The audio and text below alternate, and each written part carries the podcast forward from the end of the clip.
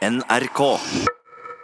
Nordmenn over 60 år sliter med å avsløre falske nyheter. Det viser en ny undersøkelse fra Medietilsynet, og dette er den andre undersøkelsen på en måned omtrent som vi forteller om problemer med å stille seg kritisk til det man ser på internett. I denne undersøkelsen så klarte bare halvparten av de over 60 å skille ut en falsk nyhet fra nyhetsbildet.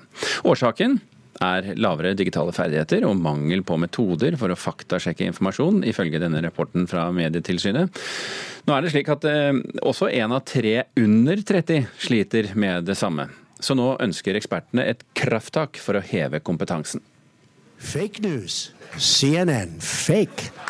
Mange mener denne 72-åringen her ikke er den beste til å skille falske og ekte nyheter fra hverandre til tross for at han er USAs president. Men hvordan er forståelsen ute på Majorstua i Oslo? Else Knutsen. Har du eh, selv problemer med å skille ekte og falske nyheter? Nei. Bruke litt eh, fornuft, tenker jeg. Willy Danielsen, 67. Overhodet ikke. Det er ikke noe problem for meg i hele tatt. Ifølge en ny undersøkelse fra Medietilsynet sliter rundt halvparten av alle nordmenn over 60 med å skille falske fra reelle nyheter. Vi ser at de eldre jevnt over har eh, dårligere digitale ferdigheter enn de yngre. Eh, F.eks. så gjelder dette hvilke metoder de tar i bruk for da å kunne f.eks. oppdage om eh, en nyhet er sann eller ikke. Det sier direktør Mari Velsand i Medietilsynet. Ifølge FN vil 20% av den norske befolkningen være over 60 år i 2020.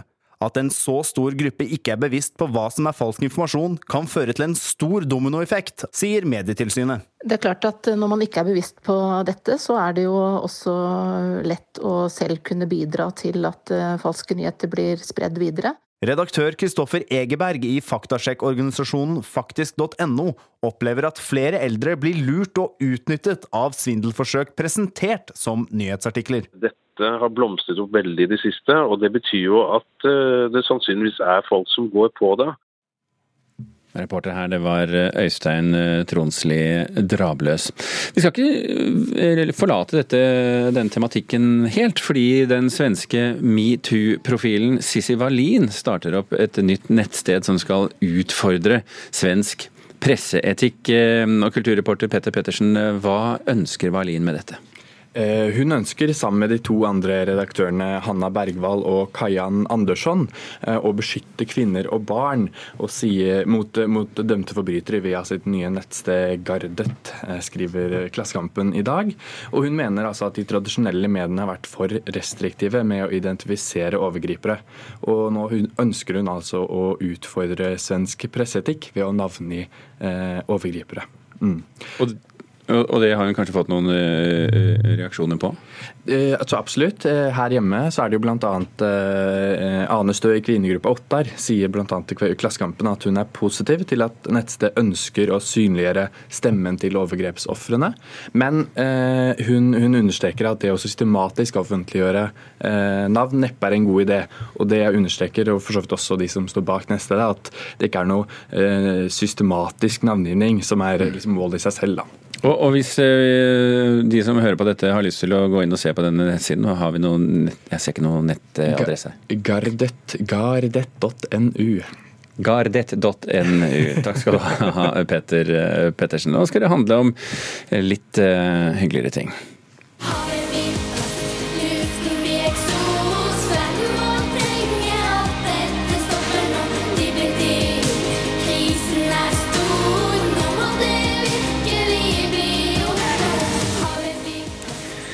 Nok mange som drar kjensel på denne sangen. 'Kloden er syk'. Det var nemlig denne som vant årets MGP junior, og det skjedde lørdag kveld. Vinnerne er Anna og Emma, begge 11 år gamle. Og velkommen til Nyhetsmorgen, begge to. Takk. Har det blitt noe søvn siden lørdag kveld? Ikke veldig mye. Hva med deg? Det har vært en del, men uh, man er fortsatt veldig trøtt og sliten etter den store finalen. Mm. Aller først skal vi høre litt hvordan det hørtes ut da det ble klart at det var dere som hadde fått flest stemmer. Vinneren av Melodi Grand Prix Junior 2019 er Klar? Ja. Én, to, tre Anna og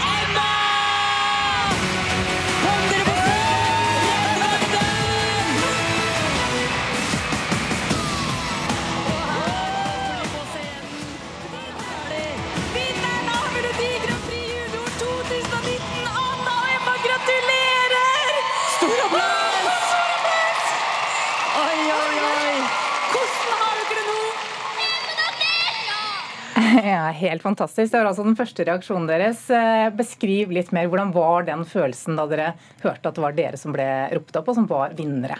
Det var litt, er litt sånn helt ubeskrivelig bra følelse, da. Man ble jo kjempeglad, og vi ble veldig overrasket. Ja, vi satt der og var sånn Er det oss, eller er det ikke oss? Og når de ropte, så var det bare helt utrolig. Det var kjempegøy. Mm. Hvordan var det å stå på scenen der eh, foran 15 000 mennesker i eh, Telenor Arena? Det gikk egentlig ganske bra, siden vi hadde øvd så mange ganger og var vant til det. da. Og siden vi så i kameraene og ikke trengte å se ut på publikummet, mm. så gikk det helt fint. Og Sangen deres heter altså 'Kloden er syk', handler om klimakrisen. Hvorfor har dere skrevet en sang om det? Vi har jo hatt masse om det på skolen, og vi tenker jo mye på det, da. Så det var vel det vi alltid hadde lyst til å skrive om. Mm. Ja. Hvordan gikk dere fram da for å skrive denne sangen? Det var Først så var det jeg som skrev på, Jeg prøvde å skrive en sang, og så sendte jeg den på lydopptak til Emma og spurte om hun ville være med. Og da svarte hun ja. Og så eh, skrev vi sammen videre på den og gjorde den til bedre sang. Og når skjønte dere at dette kunne være vinnersangen? Uh, jeg vet ikke. Vi tenkte vel egentlig ikke det. Vi tenkte vel at vi kunne komme videre, men det var ikke sikkert at vi vant. Men uh, vi måtte jo prøve, da. Men Det handler også om klima. Hva, hva tenker dere bør gjøres da for å redde klimaet? Nei, um, det er viktig at alle, at alle bryr seg og kanskje kjører mindre bil og reiser mer kollektivt og sorterer og Fordi så lenge søppelet blir sortert, så er det greit og kan gjenbrukes. Men uh, ja, det må jeg ja. Hvilke reaksjoner har dere fått etter at det ble klart at dere vant? Jeg har bare Jeg har liksom ikke helt skjønt at vi har vunnet. Men det ja, det er helt utrolig gøy, egentlig. Dere må fortelle, altså Dere sto på scenen, eh, sang låta da for siste gang da det ble klart at dere hadde vunnet. Hva skjedde etter det? Da kom alle de andre finalistene ut og gratulerte oss. Og så kom det noen eh, radiofolk og VG og Så kom det masse folk i scenen, og det var bare veldig gøy. Mm. Alle var glade og sånn. Har dere noen tanker om hvordan dere skal bruke eh, denne seieren i MGP junior? Nei, jeg vet ikke. Um, jo, sånn siden vi vant med en miljøsang, da, så vil jo kanskje flere bry seg om det vi synger om. Mm. Siden ja, det er jo veldig stort å vinne, og ja. Vi har jo tenkt kanskje at liksom at vi, vi har hørt at det er barnehagebarn som synger på sangene våre, og det synes vi er veldig fint. da. Fordi da tenker vi at kanskje de lærer noe, sånn at de får, eller gjør det bedre når de blir eldre og sånt. Mm. Da tar vi med oss det. Eh, Anna og Emma, tusen takk for at dere kom til Nyhetsmorgen, og gratulerer som vinnere av MGP junior. Takk. Da skal vi skifte tema. Vi skal holde oss til scenen. Ja, vi skal det. En annen scene, riktignok. ja, vi skal til Festspillene i Bergen. De er i gang for alvor, og denne uken eh, så anmelder vi altså både teater, kunst og litteratur som kan oppleves i Bergen disse dagene. Først ute er en teaterforestilling, et gjestespill fra Maximteateren i Stockholm. og Det dreier seg om den franske dramatikeren Molières komedie 'Den innbilte syke', med skuespiller Michael Persbrandt i hovedrollen hovedrollen, og med påtroppende teatersjef ved Den nasjonale scene i Bergen, Stefan Larsen, som Larsson, som regissør. Teaterkritiker Karen Frøsland Nystøl, du så uh, første forestilling i Bergen. Var det gøy? Ja, det var veldig gøy, men det var gøy på en litt annen måte enn jeg egentlig hadde forventa meg. For uh, underveis i stykket så fikk ensemblet latterkrampe opptil flere ganger. Og en såpass heftig latterkrampe at de måtte stoppe opp og ta seg inn igjen. Og det er jo ofte vanskelig å komme liksom helt i vater igjen når du har ledd mange ganger. Men det... Fordi det var så gøy, rett og slett? jeg tror faktisk Altså ja, fordi det var gøy, men jeg tror det handler om at dette er jo et stykke som er spilt på svensk. Og så gjør man jo noen sånne sikkert språklige tilpasninger. Sant? At man, eh, man, sier ord som er lettere for nordmenn å forstå, og det er mye sånn legebegrep og sånn òg i dette stykket. Men eh, det var, så det var vel et eller annet med den fornorskinga der som, som gjorde at de begynte å le. Det var vel rett og slett ordet tissen, altså om det mannlige kjønnsorgan, som utløste et sånt skred der de bare ikke klarte å, klarte å holde seg. Brukte tid på å ta seg inn, og suffløren han, han satt bare og, og rista på hodet omtrent og hadde på en måte ikke noe han skulle gjøre. For det blei ble improvisasjon nesten da, og utover i hele første del. Og det er når det er godt gjort, så er jo det òg veldig kjekt å se på. Så det, så det, var, Du spurte om det var gøy, ja. Det var jo det. Ja, men Hvordan håndterte skuespillerne dette her? de stoppa jo opp et par ganger. da. Det, de prøvde å ta seg inn og prøvde å være proffe. De er jo veldig flinke til sånt, men det glapp jo flere ganger. Og jeg tror de syntes det var litt gøy sjøl òg. Virka som de var veldig avslappa liksom, i forhold til det.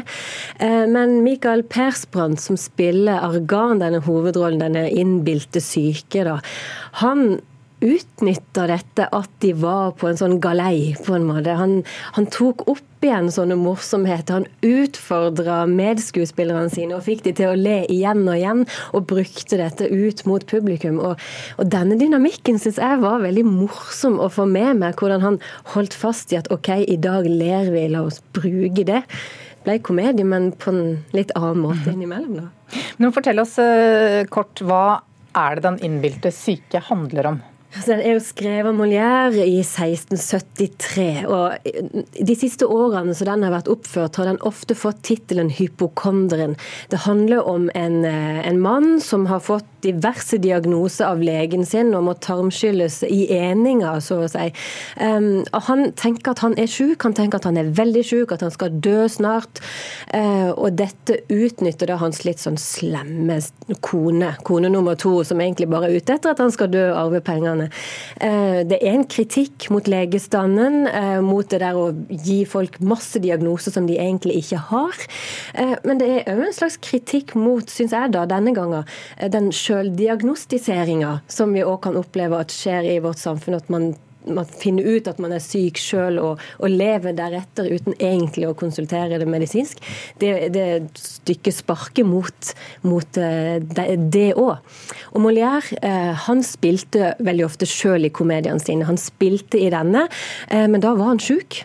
Han var så sjuk at han kasta opp blod på fjerde forestilling, og, og, døde etter fjerde forestilling av denne da på slutten av 1600-tallet. Så det, det er en komedie som har hatt mye sykdom i seg òg, sånn historisk. Mm. Bortsett fra denne latterkrampen, var det en god eh, oppføring ja, av denne klassikeren? Ja, ja det, det, er. Den er velspilt, og særlig Persbrandt er veldig flink til å, til å ha god kontakt med publikum. Spille på at de fleste i Norge vet hvem han er og kjenner hans historie. Han har et utrolig godt blikk ut mot publikum. Veldig, veldig god timing. Det må man ha når man spiller komedie. Og så er det noen regigrep der da, som jeg syns er litt snodige. Scenografi og musikk som er veldig moderne igjen, som jeg syns er ganske underliggjørende og ikke godt nok utnytta. Men det er nå en annen sak. Hvis vi skal snakke om spillet, så er det veldig godt. Særlig mellom Michael Persbrandt og Petra Medé, som spiller tjeneren som ordner opp. Takk skal du ha, teaterkritiker Karen Frøsland Nystøyl.